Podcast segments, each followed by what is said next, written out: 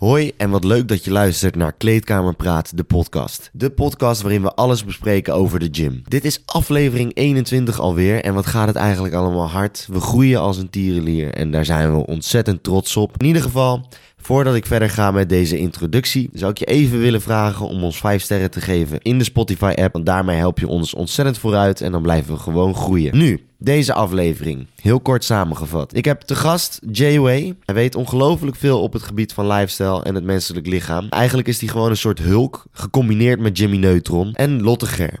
Lotte weet ongelooflijk veel over de hormonale huishouding bij vrouwen en coacht hier ook mensen in. Eigenlijk is zij iemand waarvan ik in twee uur praten al meer heb geleerd dan van alle lessen biologie op de hele middelbare school. Ik dacht, ik moet deze twee fanaten in de podcast hebben, dus bij deze. Oh ja, deze aflevering die is opgedeeld in twee delen. De volgende week komt het volgende deel uit. Dit komt omdat ik het een beetje druk heb met school en daardoor niet elke week eh, een opname kan doen. Dus ik wens je heel veel luisterplezier. Welcome aboard, ladies.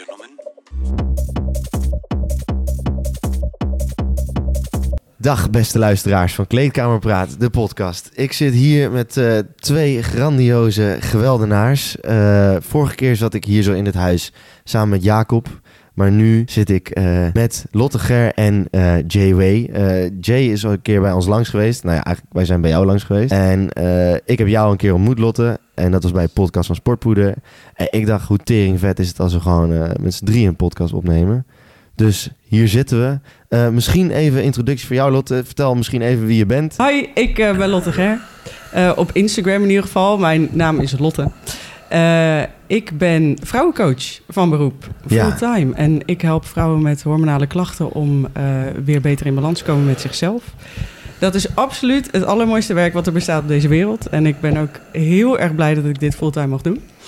Ehm, dus dat eh, is eh, wat ik doe, wie ik ben. Ik ehm, ben nu 33 jaar oud en eh, ik ben dit jaar pas 100% zelfstandig ondernemer. Want daarvoor heb ik eigenlijk alleen maar het kantoorleven gekend. En ehm, hou ik van fitness en ben ik sinds kort hondenmoeder. Kijk, En daar ben ik heel erg ja, daar zien we veel over.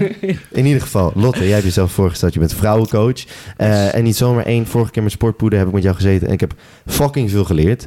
Ehm, en die uitzending komen nog op Sportpoeder. Maar ik dacht, ja, hallo. Ik wil jullie ook gewoon in mijn eigen podcast hebben. En ik wil daar ook gewoon allemaal over hebben met jullie. Eh, en toen dacht ik, nou, jullie zijn eigenlijk een powerkoppel. Dus ik wil jullie gewoon allebei in de uitzending hebben. Jay, eh, voor de mensen die, of Jay, voor de mensen die jou niet kennen, die onder een steen hebben geleefd. Stel jezelf even voor. Die kunnen de tering krijgen. nee. Ehm, nou ja, ik ben eh, Jay, Jan Willem is eigenlijk mijn naam. Ehm, ik ben ook coach. Dat doe ik nu al een jaar of, eh, ik denk acht of zo, onderhand. Eh, ik ben ook personal trainer. Doe ik ook volledig zelfstandig. Ehm, en, nou, en ik focus me meer op eh, trajecten voor zowel mannen als vrouwen die eh, nou, ja, naar hun beste shape willen werken. En tegelijkertijd pakken we daar een hoop leefstijlveranderingen bij. Dus ook op stress, op slaap, gemoedstoestand, dat soort dingen. Ja, jij hebt kennis van heel veel dingen. Je hebt ook nog een studie gedaan, een master gedaan in Voedingswetenschappen. voedingswetenschappen. In eh, Wageningen. Wageningen was het, oké. In ieder geval, wat ik weet van de vorige aflevering is dat we eigenlijk niet uitgepraat raakten. Dus eh, ik ben heel benieuwd of dat vandaag weer hetzelfde zou zijn. Mhm. Ehm, de Kamerleden, dus dat zijn de mensen die luisteren. Klinkt misschien een beetje raar, maar is de mensen die luisteren, die, die, die, worden, die noemen we de Kamerleden. Die zaten al met smacht op jullie te wachten. Deden Kamerleden dat trouwens maar eens. Dus ja, echt luisteren. Ja. ja, zij gaan niet met mij in debat. Ik mag wel gelukkig Nee. zelf bepalen hoe het Ja. gaat. Dus het is meer een dictatuur. Ja, maar goed, dus, Beter. dat, dat is helemaal prima.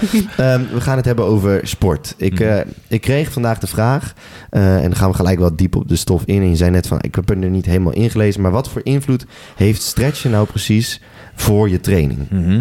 Weet je daar iets van af? Weten jullie daar iets van? Ehm, Ik heb daar volgens mij iets van een maand geleden ook wat voorbij van zien komen. Eh, ik weet, volgens mij waren dat onderzoeken van stretchen na een training. Dat Mhm. dat zou zorgen voor eh, meer spiergroei. Of tenminste, nee, stretchen überhaupt Mhm. zou zorgen voor meer spiergroei.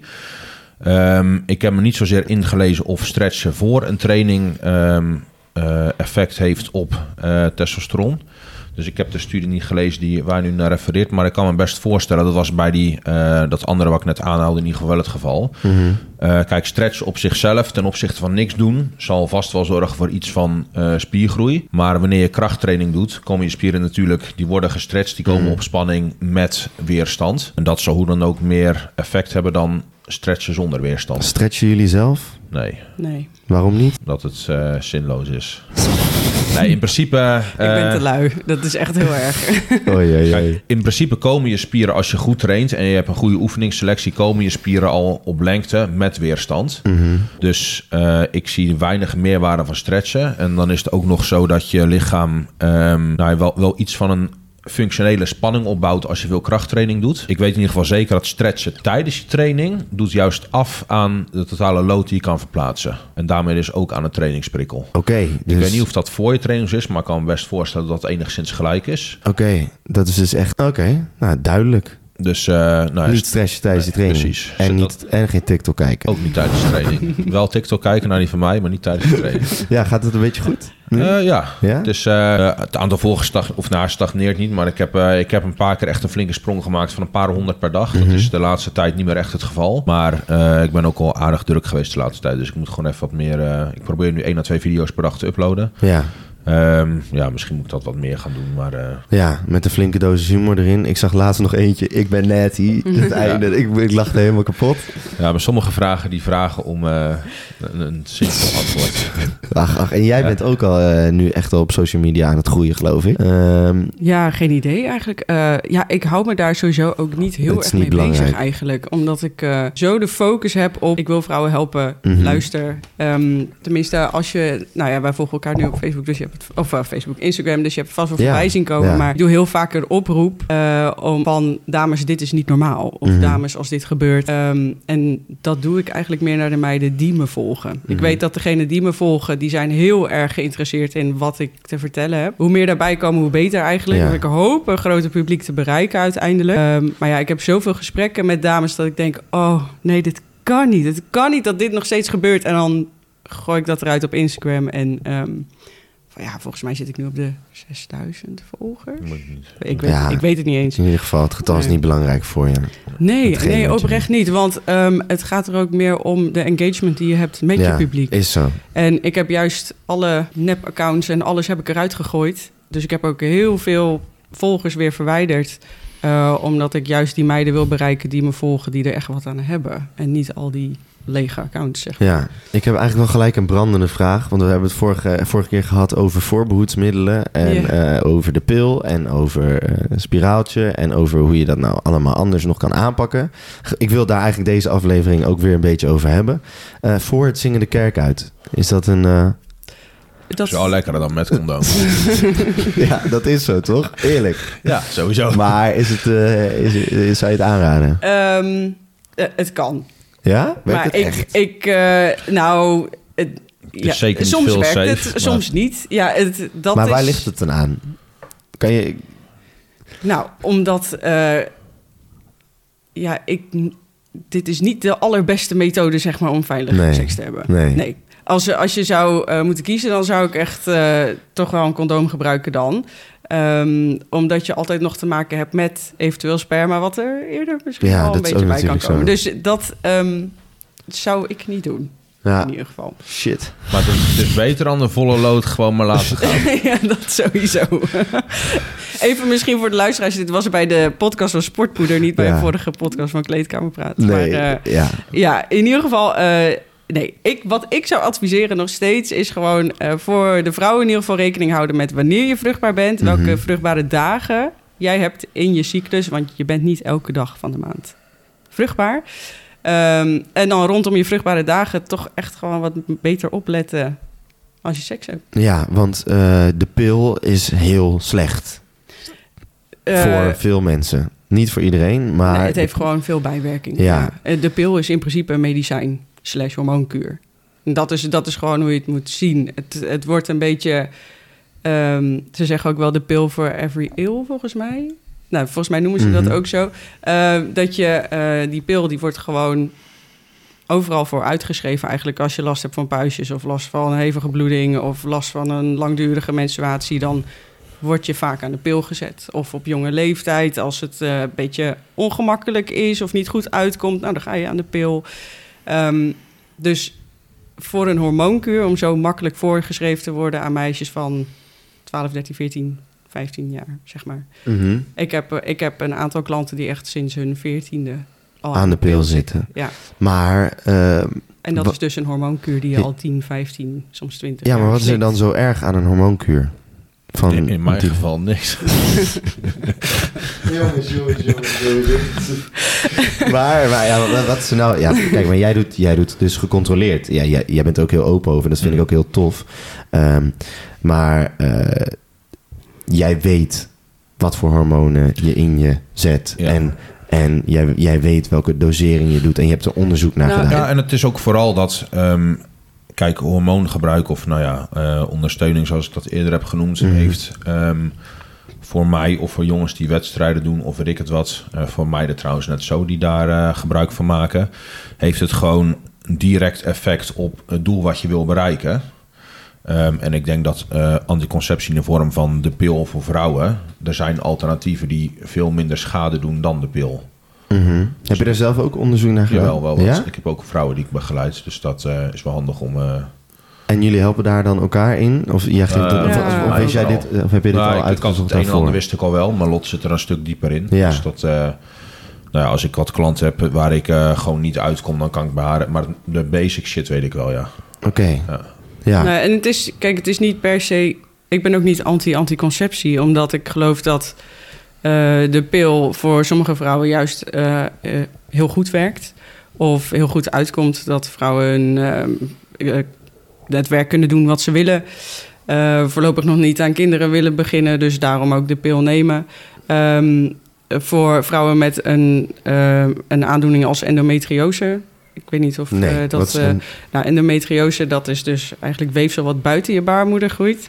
En dat kan door het hele lichaam zijn. Is een hele pijnlijke aandoening. En dat ehm, kan dus gestabiliseerd worden door middel van het gebruik van de pil. En voor de rest, behalve dus operatief verwijderen, is er nog niet echt een oplossing voor. Mhm. Ehm, dus in dat soort gevallen zou ik zeggen, dan zou het dus meer kwaliteit van leven geven. Mhm. Iemand met endometriose Ja. heeft echt heel veel pijn. Ja. Dus in die zin is het niet heel slecht. Ehm, maar als een gewone, gezonde jonge vrouw... eh, zou ik er goed over nadenken voordat je dus begint aan de pil als Mhm. hormoonkuur. Want omdat je daar... ehm, wat ik heel veel voorbij zie komen... is dat vrouwen op latere leeftijd echt heel veel kwalen daaraan overhouden. En, moeite met, al- eh, met zwanger raken, bijvoorbeeld. Ja, en überhaupt al. Het, het was heel bijzonder, want ik had die opname met jou gedaan Mhm. over, eh, over ja, voorboedsmiddelen en, eh, en gewoon over hormonen, hormonen, de hormoonhuishouding bij vrouwen. Ja. En ik sprak daarover met wat vriendinnen van mij en die, zei, die, die zeiden echt van, "Wauw, wat bijzonder dat je daar eigenlijk in hebt verdiept en dat je het zo interessant vindt. Toen dacht ik van, ja nee, En dat vond ik ook. het is, het is, ja. vond jij dat ook? Ja, dat vind ik. Maar ik vind het oprecht heel tof als mannen er wat meer van willen weten en willen begrijpen. Zeg maar. Want ik denk dat daardoor ehm, dat het taboe ook een beetje wordt weggenomen Ja, rondom dit onderwerp. Nu is het zo. Ja, tijdens die podcast werd volgens mij ook gezegd van ehm, dat de menstruatiesoort het eh, opschonen is of zo van je, van je lichaam. Maar Mhm. dat heeft al zo'n beetje vieze lading, Ja, zeg ja. maar. En dat, dat is het eigenlijk niet. Het is een heel natuurlijk proces waarvan de baarmoederwand elke keer weer verdikt en weer afbreekt. Omdat er een zwangerschap moet komen. Dus het is eigenlijk iets heel moois. Maar er wordt heel veel, ik denk vanuit vroeger ook, gedaan van uh, menstruatie, dat is echt goor. En daar wil je eigenlijk verder niks over weten, want het is eigenlijk een beetje taboe. Ja, de, maar juist maar als... dat ze- komt omdat er een beetje schaamte op ligt, denk Ja. ook. Maar ook als we, als iedereen eh, in onze samenleving wat meer begrijpt waarom het gebeurt misschien, dan denk ik dat je veel minder dat taboe hebt. En dat je ook veel minder hebt dat meiden op jonge leeftijd denken, oh ik ben ongesteld, oh de enige oplossing is nu de pil, want dan word ik niet meer ongesteld. Mhm. Dat is niet de enige oplossing, want er zijn nog meer oplossingen. Eh, Ja. Welke oplossingen zijn er dan? Ik, ik, we hebben ze natuurlijk al besproken in die andere podcast, Ja. maar heel veel luisteraars van deze podcast luisteren dat niet. Dus ik wil dat gewoon eh, eigenlijk nog een keer. eh, Snap ik. Ja, bij mij op nummer 1 staat in ieder geval dat je vruchtbaar bewustzijn creëert. Dus dat dames echt weten, oké, welke dagen in de maand ben ik vruchtbaar? Dat je weet wat de tekenen zijn van wanneer je vruchtbaar bent. Ehm, en dat je daarmee aan de slag gaat. Eh, en dit is uiteraard zonder hormonen. Ehm, Omdat kan ook ik, heel diep kutten. kan ook. Je kan ook heel, heel, heel weinig gaan Wedstrijdshape, Dan heb eten. je geen menstruaties meer. Dat helpt ook heel goed. Ja, had jij dat? eh, Ja, dat had ja, dat ik. zei je, ja. Toen stopte mijn menstruatie ermee. Nee, dus dan ben je gewoon niet meer Dus vruchtbaar. eigenlijk is de boodschap van dit verhaal dat elke chick die anticonceptie nodig heeft, is gewoon te dik. Oh nee. Nee, grapje. nee. Jullie zijn allemaal dik en jullie moeten allemaal gaan trainen. Nee, En dat zijn heel jouw woorden. ja, het is mijn podcast. dan. Nee, dat is een geintje uiteraard. Ja. Dat ga ik eruit editen. Nee, dan moet je gewoon laten staan. Mensen moeten je wel nog een beetje leuk blijven vinden hoor. Moet- alles moet, eh, belachelijk gemaakt kunnen worden. Ja, dat is waar. Humor moet er wel altijd kunnen zijn. Is zo. Maar eh, nee, ja, dat staat bij mij op nummer 1. En eh, kijk, je kan ook kijken naar iets als een koperspiraal. Dat eh, wordt ook heel vaak ingezet ehm, als anticonceptie zonder hormonen. En dat komt, is vanwege het koper. Maar dat heeft toch ook weer invloed op je hormoonhuishouding. Kijk, Koper in je lijf, het is wel iets van buitenaf wat je erin doet. Mhm. Ehm, ik heb het zelf ook gehad, dus ik, eh, ik snap. Ik snap dat mensen het, eh, dat meiden het nemen. Ik heb ook in de pil gezeten, koperspiraal gehad, uh, Nuvaring. Ik heb echt ongeveer alles een beetje geprobeerd wat er was. Mijn lijf reageert extreem op hormonen en ik kwam daar heel laat pas achter. En eh, nu achteraf ook best wel heftig op het koperspiraal. Mhm. Dus eh, ik ben niet de enige. Er zijn echt volkstammen aan vrouwen die heel slecht gaan op hormonen. Sommigen gaan er goed op en hebben geen klachten, dat is prima. Dat is echt top als je dat hebt. Dan heb je echt luk. Ja, dan ben je een van eh, de weinigen, denk ik, die dat heeft.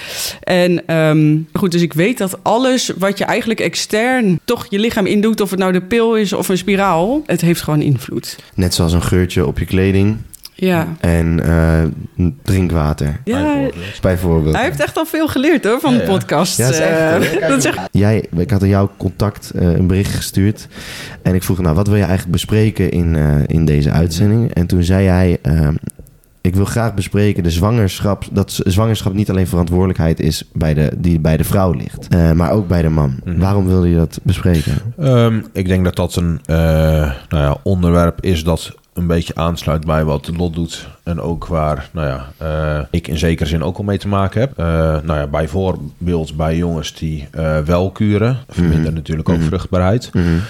En ik denk dat ehm, nou ja, leefstijl tegenwoordig is echt gewoon een drukt heel zwaar op zowel mannelijke als vrouwelijke vruchtbaarheid. En ik denk dat daar heel veel, daar kan je heel veel winst in boeken. En lang niet iedereen is zich daarvan bewust. Mhm. Ehm, maar ja, er zijn bijvoorbeeld cijfers, er zijn onderzoeken gedaan wat de vruchtbaarheid was van eh, nou ja, mannen eh, met sperm count, zeg maar. Dus de hoeveelheid spermacellen die één zaadlozing bevat. eh, was volgens mij rond de jaren 70 zat het rond de 100 miljoen. En nu was 40, vi- 44. 40, dus dat is gehalveerd in, Ja, joh. ja, gehalveerd in 40 jaar. Ja. Ja.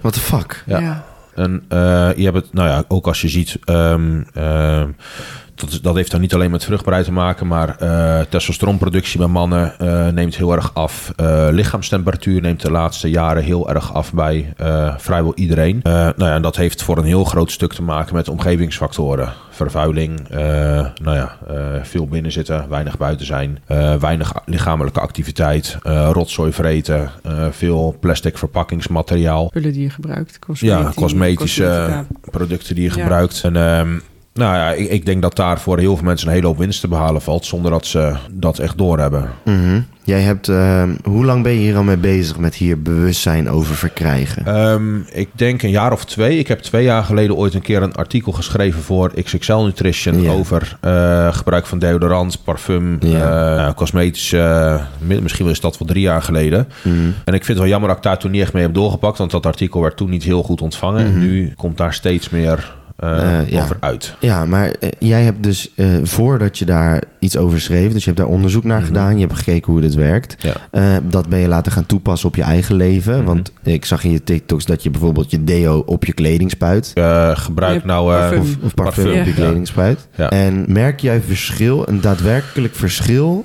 Een, Waar ik verschil aan merk is bijvoorbeeld mijn huid. Ik had vroeger best wel veel last van acne. Mhm. Eh, en dat is nu gewoon helemaal weg. En ik vind het een beetje lastig om terug te leiden waar het aan ligt. Dat kan liggen aan dat ik slaap nu een stuk serieuzer neem. Maar ik heb het idee dat dat ook zeker te maken heeft met nou ja, gebruik van ja, cosmetische middelen, om het even zo samen te vatten. Oké. Of juist het minder gebruik daarvan. Nou ja, als je nagaat wat een persoon gemiddeld in zijn badkamer heeft staan. Kijk, de meeste blootstelling vind je gewoon thuis. In principe. En dat begint al in de keuken en in de badkamer. Dat zijn eigenlijk de twee plekken waar de meeste eh, schadelijke stoffen eigenlijk rond dwarrelen. En dat kan in de vorm van plastic, maar ook in de vorm van parfum. Dus eftalaten, eh bisfenolen. Eh, nou, noem het maar op. Je hebt zoveel in je shampoo, in je douchegel, in je Schoonmaken zonder handschoenen en zo, weet je wel. Dat ja. Ja. Dus er zijn zoveel eh, spullen in ons huis alleen al waar we invloed van ervaren. En ehm, nou, wat, wat eh jij net zei over die eh sperm count. Kun je natuurlijk wel nagaan dat er na de Tweede Wereldoorlog is toen plastic heeft toen echt zijn opmars gemaakt. Iedereen en Mhm, alles, mhm. plastic was de toekomst, Mhm. plastic is helemaal het. En sinds die periode, volgens mij in 1973, was het booming geworden een beetje. En je ziet dat eh, dus vruchtbaarheid daalt met ongeveer 1% per jaar. Ja. En dat, dat is echt heel, heel rap. Dus Dus over een jaar of Omgevingsfactoren. 40 hebben we geen anticonceptie meer nodig. nee, dan hebben we helemaal niks meer Dan, nodig, kan, joh. maar, dan sterft de aarde uit. Dan sterft de aarde uit. Niet meer voor het zingen in de Nee, de kerk aarde, jongen. niet, de aarde die... eh, Dat maakt dan niet meer uit. Hé hey mama, ik weet niet waar, waar hij het over heeft. Het is echt eh, leuk dat je luistert. In ieder geval, jullie zijn het best wel eens met heel veel dingen over elkaar. Jullie zijn ook allebei best wel, obs- ik, als ik het mag zeggen, obsessief bezig met gezondheid. Zijn jullie het ook wel eens oneens met elkaar? Nee? Vinden jullie geen, hebben jullie geen punten waarover jullie dan het gewoon niet eens worden met elkaar? Qua gezondheid en zo. eh, ik denk dat we aardig op één lijn liggen. ja, Van Lot alleen niet met andere vrouwen date. En Ja. dus dat is een Ja, beetje een puntje van oneenigheid. Monogamie Ja. is, is wel... eh, Saai. ja, het is, geloof je erin, monogamie? Jawel, ja. Ja, je kan het niet anders. Nu kan ik geen ja, nu kan ik geen goede nee zeggen. antwoord. nu kan ik geen nee zeggen. Nee, maar eh, ja, dat is een heel ander onderwerp. Ehm, ja, ik- Nou, kijk, ik, ik ben me ook ongelooflijk veel gaan verdiepen in omgevingsfactoren die meespelen in het hele hormonale plaatje. Mhm. Kijk, dat is wat ik doe Mhm. voor werk. Mhm. Ehm, en dat hoort erbij. Helemaal. Kijk, vrouwen hebben al heel snel merken die. eh, daarom deel ik ook vaak wel wat ik tegenkom met JW en andersom. Eh, en ik denk dat dat ook wel bijdraagt aan het feit dat we echt dat. eh, nou, hoe zeg je dat? Allebei de neuzen dezelfde kant op wijzen, Mhm. zeg maar. Ehm, ja, we zijn allebei heel erg bezig met meer weten, meer vinden. Hoe zit dit? Eh, wat is er nog meer? Waar moeten we nog meer naar kijken? Dus ik denk dat dat een beetje aan bijdraagt dat we er hetzelfde in staan. Ja, en jullie zijn eigenlijk allebei heel erg bezig met mensen helpen. Ja. Ja, in gezonder worden en bewuster worden en gelukkiger zijn. Mhm. ja. Zijn jullie zelf dan nog wel eens ongelukkig? Jawel. Nou ja, dat, we zijn mensen nog steeds. Ja. Helpen hoort dan erbij. elkaar of zijn jullie dan daar niet de juiste persoon? Nee, dat, in binnen een relatie is dat geen... eh, Ik heb Lot ooit een keer naar eh podium toe gecoacht qua voeding. Dat is nu een jaar of vier, vijf geleden. Mhm. Misschien wel langer, weet ik niet. Vijf jaar geleden, denk ik. Nee, dat kan niet, want mijn eerste wedstrijd was 17. Oh, 2018 dan? Ja. Oh, jemig, ja, Dus dat is vier jaar terug. Mhm. Ja, en ik, dat is gewoon zo'n andere... Dat Ja. stuk coach is zo'n ander Mhm. soort contact... als wat je normaal gesproken binnen, nou ja, een partnerrelatie hebt. Mhm. Dat ik niet denk dat dat... eh, daar ben je niet de aangewezen persoon voor, denk ik. Nee, dat snap ik. Ik zou niet te diep ingaan op jullie, eh, op jullie relatie. Hm. Ehm, coachen. Er is Hoeveel ook men- weinig diepgang in te vinden. Ja, hoor. Wat? In jullie relatie? We, we leven gewoon samen. eh, ja, ik moet hem even even Oh ja, ja. ik moet hem even deze, dan met deze doen. Oei. Hij maakt weer gooit- Of door Jay. Of door Jay. Ja, is zo, maar dat moet ik betalen. Zeker. ja. In ieder geval, ik wil even wat vragen over de, de coachingsmarkt. Is er veel vraag naar coaching op jouw gebied en op jouw gebied? Het zijn natuurlijk twee, twee totaal verschillende dingen. Ehm, maar is er veel vraag naar? Ik denk dat er zeker veel vraag naar is. Ik denk dat er heel veel mensen rondlopen ehm, die hulp zoeken, maar niet weten waar ze moeten beginnen en het soms heel eng vinden om dat te doen. Dat, dat is het ook wel een beetje. Mhm. Eh, maar ik denk oprecht dat er heel veel vraag naar is. Zeker. En Maar dat, eh, Ja. Ja, maar je zegt net wel, eh, kunnen eruit editen hoor. Maar je zegt wel van, het kan altijd, er kunnen altijd meer Ja. mensen komen. Kijk, waarom waarom ik- komen ze dan niet? Eh, nee, die komen ook wel. Ja, maar ik heb gewoon plek voor meer klanten nog. Eh, Mhm. Een aantal. Ehm, kijk, ik, ik ben nu... Ik, ik heb wel een aantal uur per week over. Dus er kunnen nog wel een paar klanten bij. Het is niet dat ik... eh, ik kom echt geen klanten tekort. Het loopt echt wel lekker door. Maar eh, nou ja, ik heb nog ruimte over. Want ik zat net in de auto en we hadden het over Sander en ik die hadden het over hoe eh, ongezond nu mensen leven. Dus dat eigenlijk zoveel mensen overgewicht hebben. Dus dat Ja. je als coach eigenlijk juist eh, dat, dat zeg maar kan heb, verhelpen. Dus dat die vraag denk ik ook alleen nog maar gaat groeien. Ja. Hm. Ehm, ik denk ook dat social media een goed platform is om daar bewustzijn over te creëren. Ik denk dat jullie dat ook allebei heel mooi doen. Hebben jullie nog bepaalde doelen in de aankomende tijd staan die jullie willen bereiken met mensen helpen of een bepaald aantal? Nee, ik, eh, ik heb wel redelijk een limiet aan het aantal Mhm. klanten dat ik kan hebben, omdat ik heel persoonlijk coach. Ik Ja. stap echt bij meiden mee in hun leven. Ehm, en dat kost tijd en Mhm. aandacht. Ehm, dus wat ik heel graag zou willen, is meer meiden kunnen bereiken die niet per se coaching willen. Mhm. Eh, of het wel zouden willen, maar niet kunnen betalen. Of nou, een beetje in die richting. Dus ik ben echt bezig om een cursus op te zetten waarbij ik meer vrouwen kan helpen, meer vrouwen kan bereiken om ze wat meer info te geven over hun lijf. Mhm. En wat kun je doen, wat is er aan de hand? Een beetje in die richting. Maar daar zit, eh, ja, daar zit tijd in. Ja, want maar je, bent, je, bent, eh, je, je geeft coaching over het, over het vrouwelijke, over het hormoonhuishouden. Hoe doe je dat? Hoe ga je dan met iemand in zijn leven meekijken? Ga je dan kijken naar wat diegene eet? Oh, onder Eh, andere, ja zeker. Ja, ik zeg dus altijd dat ik met mij de binnenste buiten keer. Eh, en dat is eh, letterlijk kijken, hoe leef jij? mhm. En ehm, ja, dat is eigenlijk waar, als ik het zo mag zeggen, de gemiddelde huisarts geen tijd voor heeft. Mhm. Die eh, heeft vijf minuten en daar moet je dan uit opmaken wat er met iemand aan de hand is. Ik spendeer echt heel veel tijd aan iemand om te kijken wat gebeurt er met jouw lijf, wat gebeurt er met je leven. Mhm. Eh, en hoe kunnen wij stapje voor stapje gaan kijken hoe we dat beter gaan maken en zo snel mogelijk die klachten op kunnen lossen. Want wat zijn dan de klachten waarmee eh, vrouwen bij jou komen aanzetten? Ehm, nou, soms willen ze stoppen met de pil, maar Hmm. vinden ze dat een beetje eng. En dat is heel begrijpelijk, het is best wel een grote stap. Eh, of ze zijn gestopt met de pil en krijgen hun menstruatie maar niet terug. Ehm, of ze hebben een hele onregelmatige menstruatie. Of zeggen, ik ga twee dagen in de maand ga ik echt dood. En dat, die krijg ik helaas heel vaak. Eh, meiden die eh, in de eerste twee dagen van hun menstruatie flauw vallen, overgeven, niet de deur uit durven, kapot gaan van de pijn, dus alleen maar op de bank in foetushouding kunnen liggen. Eh, echt, is het zo heftig? ja, het is echt, zit echt hele heftige, hele heftige tussen. Gaat dat zo, zo... En, ehm, ja, ja, het is echt heel heftig. En eh, vaak wordt er ook gezegd, ja, je bent vrouw, dus hoort erbij.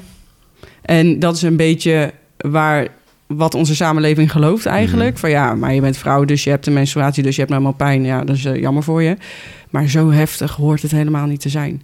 Kijk, menstruatie is nooit leuk. Dat zeg ik ook eerlijk. Het is echt niet heel handig vaak. En eh, ja, er komen wel wat ongemakken bij. Maar flauwvallen en eh, overgeven van de pijn, dat, eh, dat is echt niet oké. En dat hoort dan ook niet? Of is het er gewoon echt gewoon... Mensen kunnen dat gewoon krijgen en dan is het gewoon omdat het zo is? Maar Nee, dat nee. is dus gewoon... Er Dat- is werkelijk iets mis in je lichaam. Ja, Dus als je zoiets hebt, als je die heftige pijn ervaart... of als je zo inten- intens daar last van hebt... Ja. dan is het eigenlijk je lichaam die zegt van... hier gaat iets niet helemaal goed. ja, exact. En wat gaat er dan niet goed, meestal? Nou, dat is het samenspel aan hormonen Mhm. in een vrouw, haar lichaam. Eh, we hebben, eh, vrouwen doorlopen een cyclus. Ook eh, even tekstboek 28 dagen. Mhm. Een man heeft er een van 24 uur. Mhm. En daar zijn we altijd heel erg jaloers op. Want Mhm. hoe is het om elke dag hetzelfde op te staan? Gewoon je elke dag hetzelfde Ja, te voelen. Geweldig. Ehm, maar goed, op het moment dat... ehm, kijk, vrouwen hebben vier verschillende fasen tijdens zo'n cyclus. En in elke fase eh, verschillen die hormonen. Dus dat, dat gaat elke keer op en neer, op en neer, op en neer. Ehm, en soms, onder andere vanwege omgevingsfactoren... of de manier waarop je leeft, eh, wat je eet kan dat heel erg uit balans zijn. Heel veel stress misschien, heel eh, slecht slapen. Ehm, en dat kan er dan voor zorgen dat je zulke klachten ervaart. En dat is dus het teken van je leven, van je, van je lijf, sorry. Eh, van, eh er gaat iets niet goed, je moet iets anders doen. Mhm. En wat zijn dan de dingen die je daarin dan kan veranderen? Ja, dat, nou, wat ik net zegde, ja, je leven. Kijken Mhm. naar hoe je leeft. Maar wat zijn dan kijk- vaak de dingen waarop jij ziet dat, dat, dat er niet goed geleefd wordt? Of nou ja, niet goed geleefd wordt, dat daar iets anders aan veranderd kan worden, wat dan die menstruatiepijn Ja, vermindert? snap ik. Ja, dat is, dat is zo persoonlijk. Oké. Dat is echt, daarom zeg ik ook, mijn, mijn coaching is heel Mhm, persoonlijk. mhm. Want iedereen leeft anders. Iedereen heeft een andere geschiedenis. Sommige vrouwen zitten al twintig jaar in de pil en stoppen dan ineens. Mhm. Dan heb je een heel ander beeld dan iemand die zegt van ja, maar ik gebruik al jaren geen anticonceptie meer. Maar ik ben anderhalf jaar geleden bevallen van mijn, eh, van mijn zoontje. En sindsdien is het één grote chaos. Mhm. Dan heb je twee hele verschillende eh, situaties waarmee je aan de slag moet om dan te kijken, oké, hoe ga ik jou helpen je lijf een beetje te fixen? Dus eigenlijk, eh, als ik, ik ga het misschien heel raar verwoorden, Ja. maar eh, kan het zo zijn dat je door ongeregelde menstruatie of een ongeregelde hormoonhuishouding door een bepaalde bril kijkt die eh, niet altijd even positief is? Mhm. En jij helpt eigenlijk die mensen om een soort consistente bril te krijgen. Of in meer inzicht te krijgen in hoe je door die bril moet kijken. Ja, ik, ik laat ze echt zien, dit is de manier waarop het beter zou gaan. Mhm. Als je gaat letten op, nou ik zeg even iets heel simpels, je eiwitinname. Mhm. Heel veel mensen eten veel te weinig eiwit. Eh, als je gaat kijken naar het eten van fatsoenlijke groenten en Mhm. fruit bijvoorbeeld. Eh, slaap je 7 tot 9 uur op een, op een avond? Eh, hoeveel stress ervaar je op een dag? Ehm, warm jij eh, elke avond het eten van op in de magnetron, in een plastic bakje. Weet je, er zijn zo, zoveel... dat is... Ja, opwarmen in plastic is echt een no-go. Oké. Dat, dat kan je echt niet doen. Dat eh, verstoort eh, immens je hormoonhuishouding. Ja? Eh, dus ook drinken uit plastic. Ook alsjeblieft niet doen. Flesje in de auto in de zomer laten liggen en dan licht drinken als het lauw is en zo, dat soort shit. Ja. Is dat zo slecht? Ja? Ja, je hebt te maken met eh, het migreren van plastic in je voeding. Eh, en op het moment dat je dat binnenkrijgt, dan verstoor je daarmee je hormoonhuishouding. En dat gebeurt zoveel. We hebben het vaak niet eens door. Want, Ah shit, man. maar ook voor mannen trouwens. hè, Niet alleen voor Mhm. Ja, nee, vrouwen. nee, nee, nee, ik bedoel, mannen hebben ook ik. hormonen. Mhm. Ehm, dus daarvoor geldt ook, ja, let daar alsjeblieft mee op. En dat zijn, ehm, dit is een heel klein voorbeeld van echt de allerkleinste verandering die iemand al kan doen. Op het moment dat je merkt van, hé, hey, ik heb denk ik hormonale klachten. Dan zijn dit van die hele kleine factoren die al kunnen helpen met je hormoonhuishouding meer in balans te krijgen. Dus kijk naar eten uit, eh, eten opwarmen in glas, Mhm. in glazen bakjes. Of drinken uit een roesvrij stalen beker. In plaats van een plastic shakebeker bijvoorbeeld. Mhm. Dat zijn hele kleine dingen. Want ja, je loopt de hele dag met zo'n shakebeker op zak. Mhm. Tenminste, de gemiddelde fitnessfanaat. Mhm. Mhm. Ehm, dus vervang die dan dus door... niet. oh, nou. dus vervang die Je dan door roestvrij staal. Gideon. Ja, Je weet hier niks van af. je bent niks. Nee. Wat Ja, doet die Je, gozer je was hier? nu toch serieus aan het begonnen sinds een week of zo? Sorry, maar wat doet die gozer hier bij die podcast? Eh. ja, dus sinds een week ben ik serieus aan het gym. Ja, daarom. Ja, dus het gaat... Het dus gaat nu heeft hij ook een stalen beker in plaats van een plastic. Ik ga nu wel een stalen beker halen, ja. Zo. Eh, Zou ik wel doen, ja. ja, het is, is het echt zo erg, ja? Nou, je, hebt, je hebt het natuurlijk over verschillen die pas na maanden, misschien jaren gaan tellen. Maar ja. het heeft invloed. En het Ja. is heel makkelijk te voorkomen. Mhm. Dus ja, ik, ik zou geen reden zien waarom je per se een plastic beker Ah, ja. zou houden. Als je echt gaat kijken naar bijvoorbeeld invloeden van cosmetica op vrouwen. Mhm. Eh, er is een onderzoek geweest waarbij ze drie dagen, volgens mij de verzorgingsproducten van meisjes, jongvolwassenen, hadden ze geswitcht naar een, een ehm, betere versie, gezondere versie. Mhm. Eh, en daarbij hadden ze binnen drie dagen al aanzienlijk verbeterde, verminderde levels Mhm. van chemische stoffen in hun lichaam. Mhm. Dus het kan heel snel gaan. Maar nou, ja, er zijn zoveel factoren om ons heen die meespelen. En het, eh, het lastige is dat eh, mensen vaak nog denken van... ja, doe niet zo overdreven. Ja, nou en dat- ik, dat- ik eet en drink uit plastic, ja, who cares? Maar het is zo normaal geworden... dat zeggen dat het eigenlijk niet echt goed is... is Mhm. eigenlijk heel raar. Ja, wat dat betreft gaan jullie eigenlijk allebei wel flink tegen de maatschappelijke norm in. Met een aparte filter voor water. En, eh, maar jullie kunnen het allemaal beargumenteren met wetenschap. Ja. Dus eh, iedereen die, waaraan je dat uitlegt, die in wetenschap gelooft, zou moeten zeggen: ja, oké, je hebt gelijk. Ik heb eh, best wat klantjes nu die ehm, eh, inderdaad wel gewoon luchtfilter hebben gehaald. Voor op de slaapkamer bijvoorbeeld. Eh, waterfilters halen. Inderdaad stalen, nou, roestvrij stalen shakebekers halen. glazen bakjes kopen in plaats van plastic bakjes. Dat soort shit. Ja, weet je, alles bij elkaar kost je misschien een paar honderd euro. Maar dan ben je, zit je voor een paar jaar goed. Dus de investering kost een paar cent per dag. Dus ik, ja, het is eerder laksheid dan eh, de investering niet kunnen maken. Mensen zijn natuurlijk van nature laks en denken. Ja, nou, kijk, je, je zegt net de norm, maar ehm, nou ja, weet je, als je ziet wat tegenwoordig gemiddeld is, Dat, eh, daar wil je niet onder vallen, vind ik. leg uit. Lui, overgewicht, eh, ongezond, ongelukkig. ik denk dat er best een hoop mensen zijn die onder die categorieën vallen. Hoe komt dat, denk je? Dat gemiddeld dat... Ik denk omdat eh, gemiddeld gezien mensen veel te weinig bewegen. Eh, nou ja, je lichaam is gemaakt om te bewegen. Eh, wat je ook ziet is dat bijvoorbeeld een lage insulinegevoeligheid of veel inflammatie in het lichaam heeft mentaal ook een hoop negatieve effecten. En ik denk dat een hele hoop mensen daar last van hebben. Ik denk dat mensen veel, veel te weinig slapen. wat mentaal heel veel invloeden heeft. Mensen proppen nou ja, zichzelf vol met dat makkelijk te halen of even de magnetron te knallen is in plaats van ehm, nou ja, een beetje gezonde keuzes maken. Eh, ja, heel veel van dat soort mensen hebben nou ja, vaak een baan om maar de rekeningjes te kunnen betalen in plaats van dat ze doen wat ze leuk vinden. En voor de rest zitten ze een uur of vier, vijf achter de tv. Ja, ja. Eh, die baan, dat is vooral, denk ik... eh, Je wordt er ook een beetje ingedrukt. Nee, zeker. Kijk, en sommige dingen heb je invloed op, andere niet. Ja, Ehm, maar Ik denk dat alles... eh, ja, alles wordt... Het is je omgeving, hè? Het is... Precies. Ik denk dat heel veel mensen er ook misschien wel niet bij stilstaan of niet eens heel veel aan kunnen doen. Nou- Omdat het zo genormaliseerd is om op die manier te leven. maar zijn wel. dat dan de NPC's waarover... Ja. Ja, hè? Dat zijn de Nou, NPC's. kijk, ik bedoel, ehm Ja. Lot heeft ook op Zo. kantoorbaan gewerkt en dat Ja. vond ze eh, leuk. Ik heb eh, bij een eh, ik heb heel lang PT gegeven in loondienst. Dat vond ik ook leuk, maar absoluut niet een eindstation. Dus ja, dan kan je ervoor kiezen om dat werk te blijven doen, om de rekeningen te kunnen blijven betalen. En in je avonduur in plaats van dat je vijf uur lang net, Netflix ligt te kijken, kan je er ook voor kiezen om in je avonduur of in je weekenden te zorgen dat jij nou ja, meer kennis opdoet of weet ik veel, een of andere omscholing doet.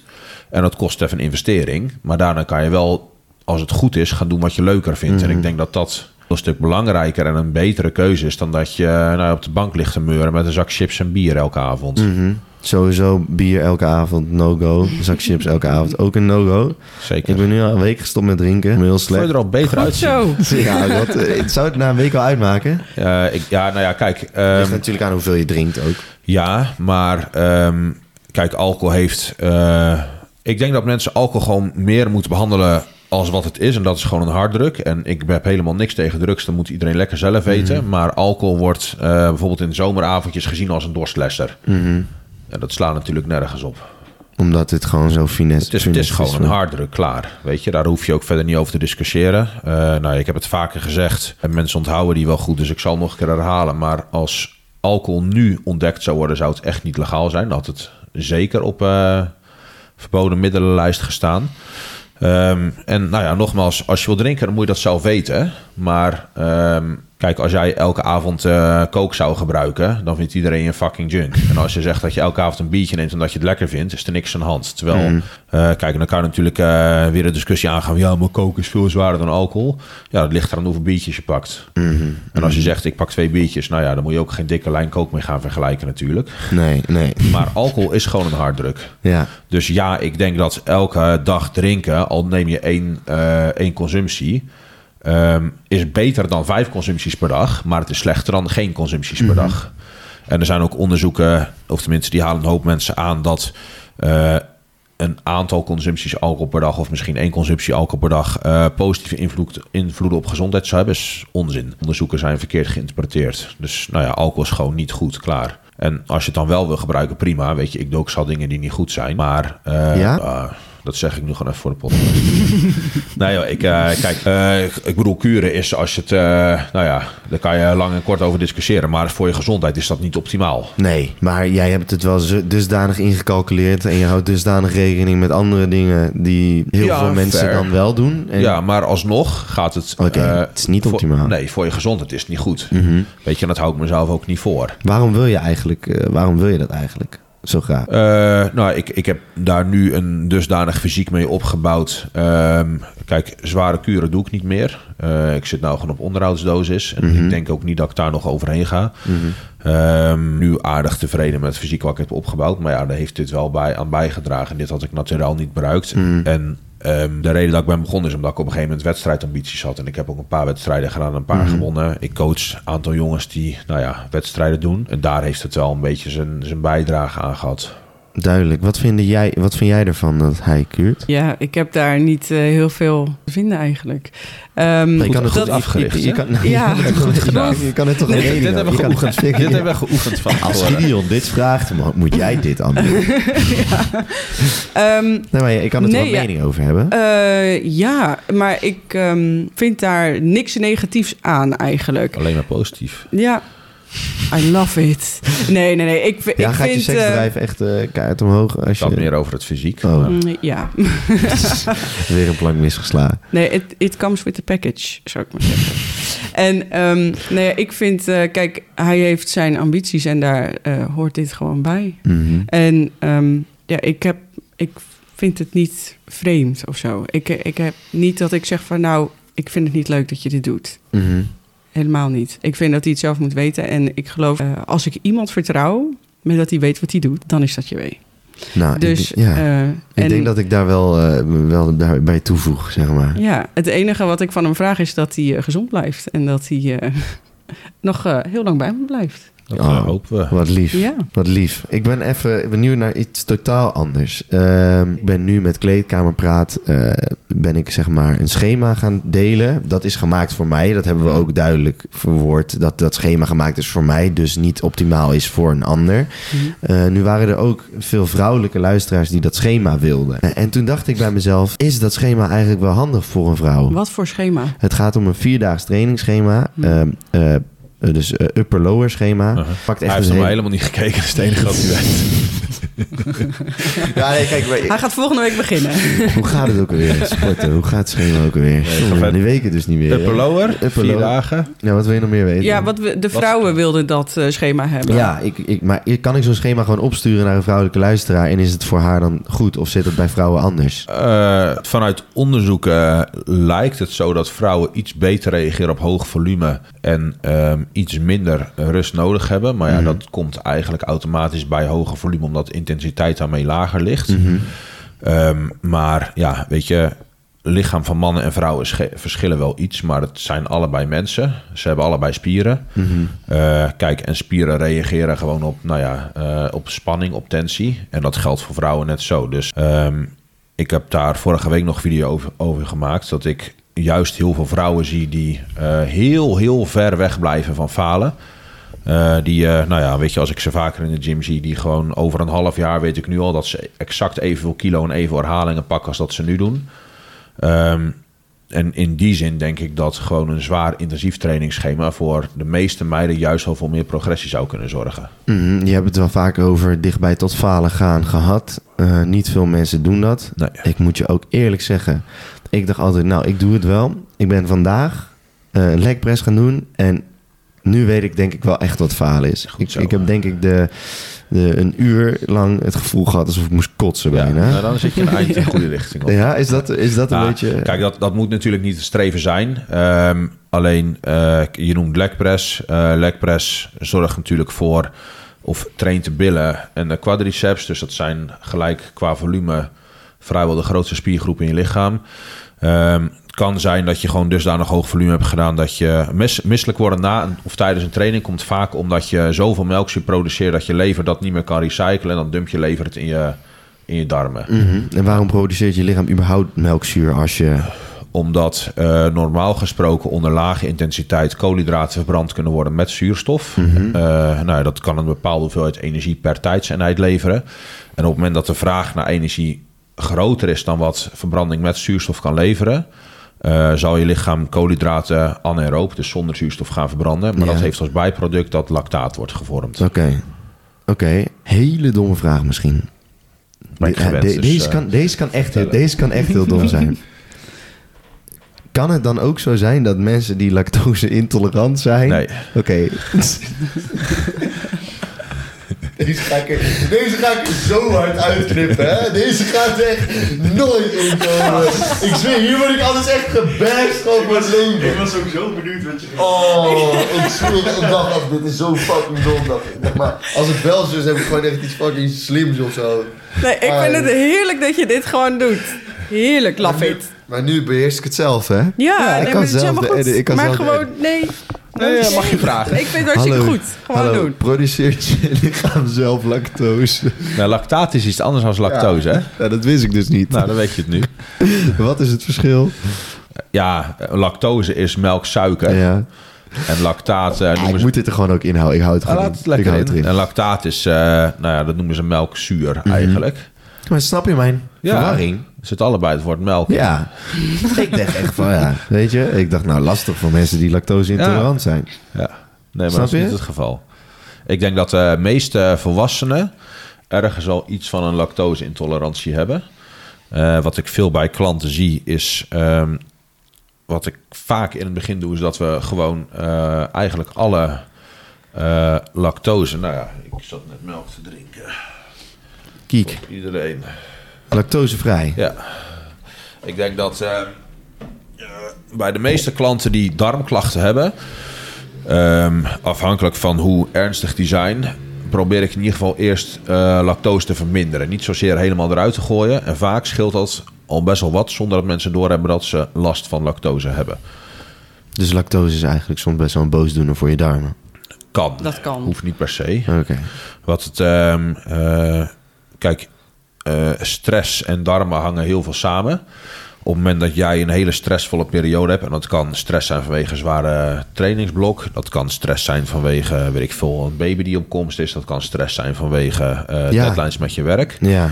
Ehm, in hele stressvolle periodes zie je vaak dat mensen meer klachten hebben van voedingsmiddelen dan eh, wanneer ze een, in een relaxte periode zitten. Mhm. Wat doet je...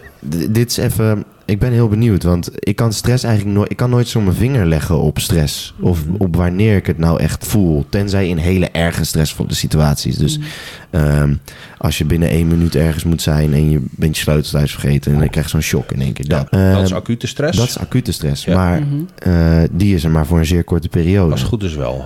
Mag ik hopen dan. Want dat, dat, schij- dat is heel schadelijk. Acute stress Nee. valt mee. of, Als zinvol. Zon, als je mensen die... ehm, kijk, eh, bij stress, of tenminste cortisol wordt vaak het stresshormoon Ja, genoemd. maar ja. je hebt bijvoorbeeld ook adrenaline. Ja. Heeft ook te maken met stress. Er zijn een aantal hormonen die, eh, nou ja, die je lichaam afgeeft op het moment dat je lichaam stress ervaart. Op het moment dat je lichaam dat niet kan, ga je dood. Dus stress zelf is niet schadelijk. Stress zelf of een stressprikkel is nodig om te kunnen overleven. Ehm, alleen wanneer het een probleem wordt, is als eh, stress chronisch wordt. Nou ja, en dan is het voorbeeld wat vaak gegeven wordt dat eh, bijvoorbeeld jij hebt een kantoorbaan en je hebt een deadline voor een bepaald eh, project. En op het moment dat je dat project af hebt, ligt de volgende deadline alweer klaar. Dus gewoon constant achter elkaar door. En helemaal als je je werk ook niet leuk vindt, dan is stress chronisch. En dat kan op lange termijn wel een negatief effect hebben. Ehm, hoe merk je nou eigenlijk dat je stress hebt? Ja, ik vind dat wel een goede vraag. Nee. Ehm, Jongens, die zitten er ook nog ja, tussen. jee, maar goed man. Ehm, Compenseert je van net Ja, een beetje. nee. oh. Hij loopt mij kapot te maken. Ja, een beetje wel, hè? Ja, Ja, het is Ja, eigenlijk de roost van Gideon. Dat kan een eh. jongen Ja, wel ja, hebben. ja, ik kan het wel hebben. Ik kan het wel hebben. Wacht maar, jongen. Ja, kom maar door. Wacht maar. Door, door. Maar ehm, nou goed, als ik ehm, ga kijken naar eh, hoe je weet dat je te veel stress hebt. Ehm, kijk, in de basis, hoe weet je dat je hormonen uit balans zijn? Heb je vaak te maken met cortisol of insuline dysregulatie. Ehm, dus alle klachten die ik al heb benoemd, kun je dus ook aan- kun je linken aan te veel stress. Ehm, je kan te veel stress hebben als je s'nachts in bed ligt te piekeren, niet meer in slaap komt of helemaal gewoon niet meer kunt slapen. Mhm. Op het moment dat je merkt dat je moet huilen om elk klein dingetje misschien. Weet je, er zijn heel veel mensen die heel lang chronische stress hebben en die komen uiteindelijk in een burn-out of een depressie terecht. Je kan maar zoveel hebben.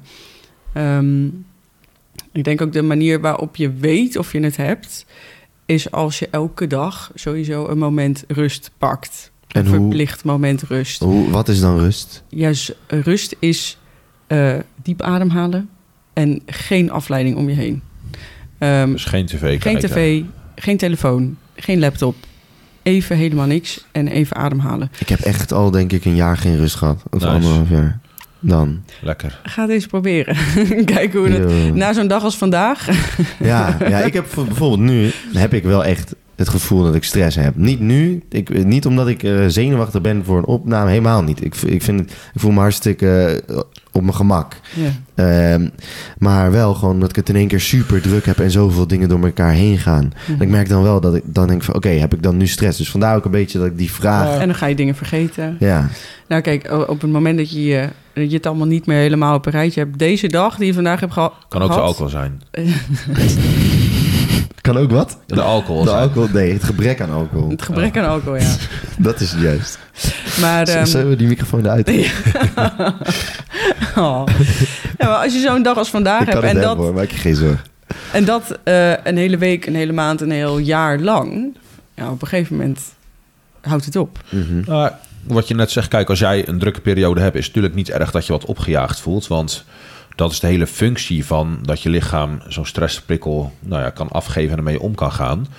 Alleen, ehm, ja, het kan ook wel goed zijn dat je na een drukke periode dan weer eventjes een beetje afschaalt. Ik bedoel, het is echt niet zo dat je lichaam eh, maar twee, drie dagen met veel stress kan omgaan, dat dan de hele shit in elkaar flikken. Dat kan je best lang hebben. Maanden, jaren. Alleen waar je mee uit moet kijken is als jij jarenlang in zo'n situatie hebt gezeten en je komt in een burn-out of een depressie terecht, dan ben je ook niet in een week klaar. Ik heb zelf een eh burn-out gehad een aantal jaar geleden. Eh, nou, en toen dacht ik van, eh, joh, weet je, een weekje thuis zitten, dan ben je er wel. En dat heeft uiteindelijk een maand of acht geduurd. Zo. Ja. Hoe kwam het dat je in die burn-out kwam? Ehm, ja, ik zat een stuk minder lekker in mijn vel. Onder andere door overlijden van mijn moeder. Met werk gewoon op een plek zitten die nou ja, steeds minder comfortabel was en waar ik steeds minder waardering voelde. Eh, ik denk dat dat de twee. En gewoon heel druk. Eh, ik denk wat, wat hij net aangaf als voorbeeld van eh, je vaste baan hebben en daarnaast nog Ja, werken om je dromen te realiseren. Dat is heel lang Dat was het die leven periode. geweest. Ja. Ik had Was dagen dat much. ik, eh, nou ja, ik, die PT's daar, dat was, begon om kwart voor zeven 's ochtends. En dan had je een blok tot één uur 's middags.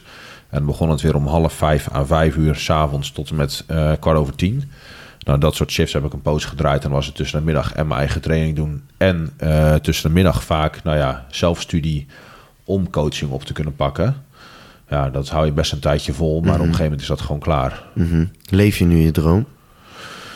Eh, ik heb daar best wel over na zitten denken de laatste tijd. Maar ik zou op dit moment... eh, zijn er eigenlijk niet heel veel dingen die ik... Als ik eh, bijvoorbeeld meer geld of meer tijd zou hebben... anders zou doen dan ik nu doe. Oké. Dus je Ik bent... zit aardig chill, ja. Oh, dat, dat is wel echt... Oh joh. Als je dat kan zeggen... Ja, Nee, ik meen het. Als je dat kan zeggen... Als je kan Ja. zeggen dat je niet heel veel dingen zou veranderen... als je meer geld of meer tijd zou hebben... Ja. dan zit je echt wel... ja ik zit nu ook wel... eh, ja, ik zit de laatste tijd wel goed. Hoe heb je jezelf tot die, dat, dat punt van bewustzijn gekregen... dat je dan besefte van... oké, eh, dit, dit en dit hier word ik gelukkig van. Ehm, nou, ik, dat, ik denk dat dat een beetje is begonnen met eh, tijdens die burn-out, zeg maar. Ehm, ik ben toen ook wat begonnen met wat mediteren. Nou ja, dat is in het begin super lastig, want eh bij wijze van spreken, als je op de wc zit of onder de douche staat, nog steeds afleiding zoeken van telefoon, zeg maar. Dus eigenlijk constant bezig met of geluid of beeld. Ehm, in bed ook nog, weet je wel, met je telefoon lopen klooien. Dus eigenlijk gewoon constant eh, eh, nou, in de auto, als je bij rood stoplicht staat, dat zullen mensen misschien ook herkennen, dat je eigenlijk constant bezig bent met afleiding zoeken. Nou en daar zijn je hersenen eigenlijk helemaal niet voor gemaakt. En op het moment dat je daar wat meer bewust van wordt en je gaat wat tijd nemen om, eh, nou ja, dan even een keertje, weet ik veel, dat doe ik nou met die hond vaak. Dat je gewoon even buiten gaat zitten en dan zit ik gewoon, oh zit je vijf minuutjes even op een bankje zonder wat afleiding, even zon op je gezicht of ik veel, dat je even naar de lucht het kijken bent of zo. Gewoon even rust in je kop. Dat scheelt echt heel veel. Ik denk dat eh, meditatie daarin voor een hele hoop mensen, al doe je dat vijf minuten per dag. En meditatie hoeft helemaal niet te zijn dat je een lotushouding, eh, die red ik niet eens. dat je een lotushouding, eh bij ze spreken, met je vingers op het balkon of weet ik het wat gaat zitten. Beetje, dat is een beetje het grapje wat er over gemaakt wordt. Ja. Over mediteren. Maar meditatie is eigenlijk gewoon niks anders dan dat je gewoon eh, nou, bij voorkeur met je ogen dicht, gewoon je bek houden en stil zitten. En eh, je gedachten niet mee laten voeren door gedachten die binnenschieten, maar nou, proberen gewoon elke keer bij je ademhaling te blijven. Oké, maar dat is wel heel lastig om je gedachten niet in gang te laten gaan en daarin te verdrinken. Eh, voor veel mensen. Ja. Eh, omdat eh, ze ook gewoon simpelweg niet gewend zijn om eens een keer echt te denken. Maar het is, kijk, de komen, gedachten komen constant binnen. mhm. Alleen, nou ja, als je meditatie, zoals ik het net zei, probeert, ga je vaak zien dat je denkt, nou ja, oké, ik ga nu even rustig op adem, ademhaling letten. En dan komt er na een aantal seconden komt er een gedachte binnen, want dan denk je van, oh ja, kut, ik moest morgen dit en dit nog doen. En dan ga je, laat je gedachten helemaal meegaan met, nou ja, die vraag, zeg maar. En wat je dan eigenlijk elke keer wil doen, is dat je teruggaat naar je ademhaling. Of gewoon, nou ja, eh, iets in die richting. Of dat je eh, een, een optie zou bijvoorbeeld ook kunnen helemaal zenuwachtig. ja, snap ik. Een optie zou bijvoorbeeld ook kunnen zijn dat je, ehm, nou dat noemen ze dan zo'n body scan, Ja.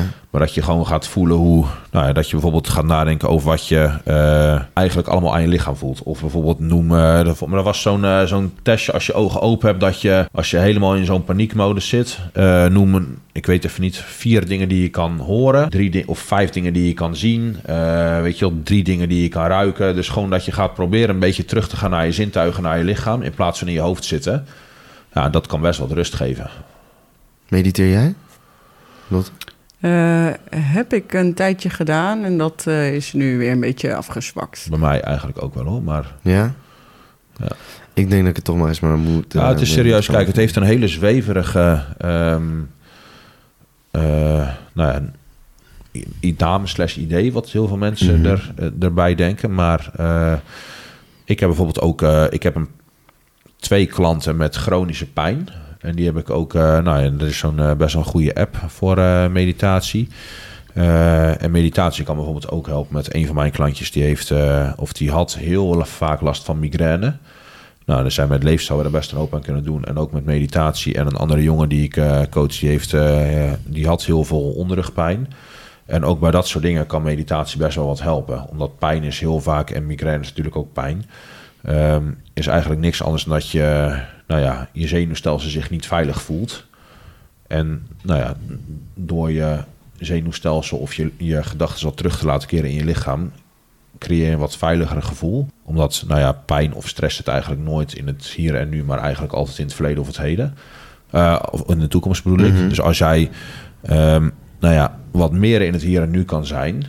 scheelt dat vaak heel erg veel in... eh, The power of now. ja, Nou ja, en je moet je afvragen, kijk, zoals ik, eh, nou, waar, waar we het over hebben gehad met, die, met dat stress. Mhm. Ik denk dat er heel weinig mensen zijn die op een dag dus echt even zeggen van oké, nu moet ik echt even een rustmoment pakken, even niks doen. En daar kun je natuurlijk ook meditatie voor inzetten. Je kan het meditatie noemen. Ehm, kan ook een Maar- stukje buiten gaan lopen zonder telefoon. Zonder ja, exact de natuur in. Ja. Eh, de vrouwen, het aantal vrouwen wat ik spreek, wat zegt van ja, ja, maar 's ochtends ontbijt ik niet hoor. En dan, eh, ja, dan eh, moet ik werken, moet ik van alles doen. En dan in de middag heb ik pas ergens rond twee, drie uur pas honger hoor. En dat En is. ondertussen zijn ze 100 kilo. Ja, en, maar goed, en dan. Of als ze thuis een stap over de drempel zetten, dan zeggen ja, ja, maar dan, dan ga ik gewoon, dan heb ik pas honger. Ja, want dan is de stress weg van je werk. Dus op het moment dat jij over, die, over de drempel van je voordeur stapt, dan is het oh, even niks meer. En op dat moment valt de stress weg en gaan mensen dus ademen, geloof ik.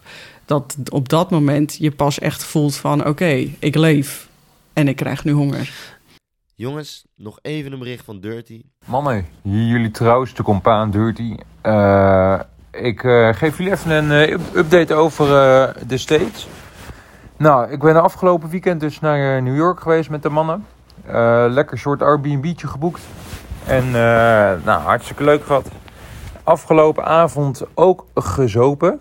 Ja, dat is gewoon het eerst lekker boksen gekeken op Times Square. En ja, toen, toen begon het al fout te gaan uiteindelijk naar een fucking zieke club geweest.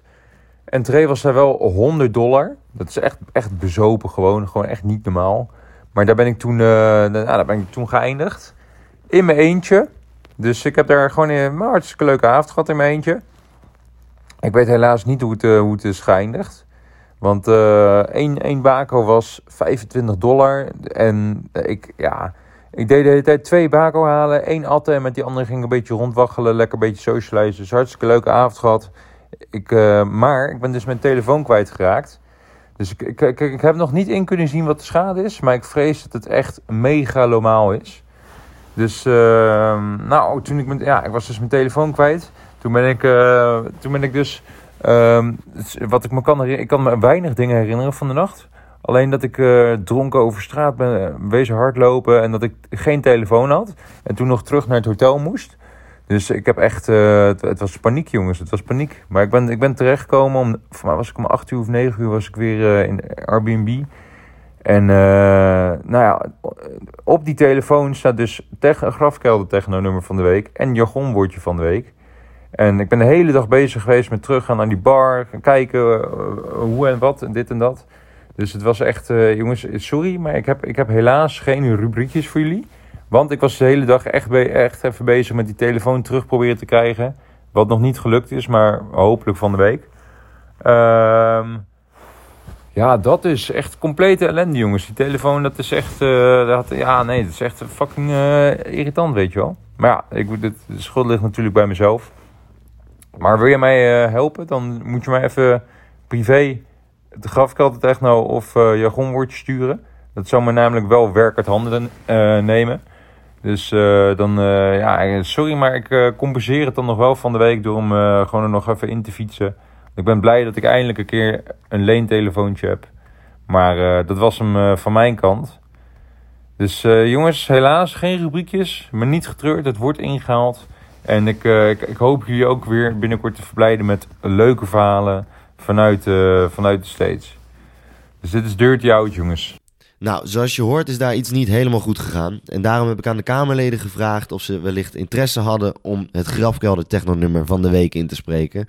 En hier is die dan, het grafkelder techno-nummer van de week, op grandioze wijze gepresenteerd door een Kamerlid. Oké, beste Kamerleden. Bij deze. Het grafkelder techno nummer van de week. Ik heb gekozen voor Timmerclub van Vieze Asbak. Dan denk je, waarom? Ik neem je mee in een gedachte-experiment. Het is een zonnige zaterdagmiddag. Je bent net klaar met werken en loopt op een rustig tempo naar huis. De vogels fluiten, niks aan de hand. En opeens, boem, de wolken trekken dicht. De wolken worden zwart. Je denkt, godverdomme, dit is niet goed. En opeens hoor jij de trommels. De trommels van de orks. De orks komen achter je aangerend en je besluit zelf ook te rennen, omdat je anders niet veilig bent. Je bent aan het rennen en aan het rennen. Je wordt helemaal opgejaagd. Ze zitten achter je aan. En op een gegeven moment kom je aan bij de groeifanaten die aan het gymmen zijn. Je denkt, godverdomme, ik ben zelf ook 100 kilo. We moeten zo makkelijk aankunnen. En je draait om met je groeimaten. Trap je al die orks in elkaar. En besluit ze helemaal af te slachten. Tot zover mijn gedachte-experiment over het nummer Timmerclub. Ga hem vooral even checken, want wat is die lekker zeg. En je gaat gegarandeerd een PR-hitte op dit nummer. Dikke SO naar Gideon voor de podcast. En als het mag, knip het er anders uit. Maar als het mag, kleine SO'tje naar Rens voor dit nummer. Wat is hij geweldig zeg. Dank u.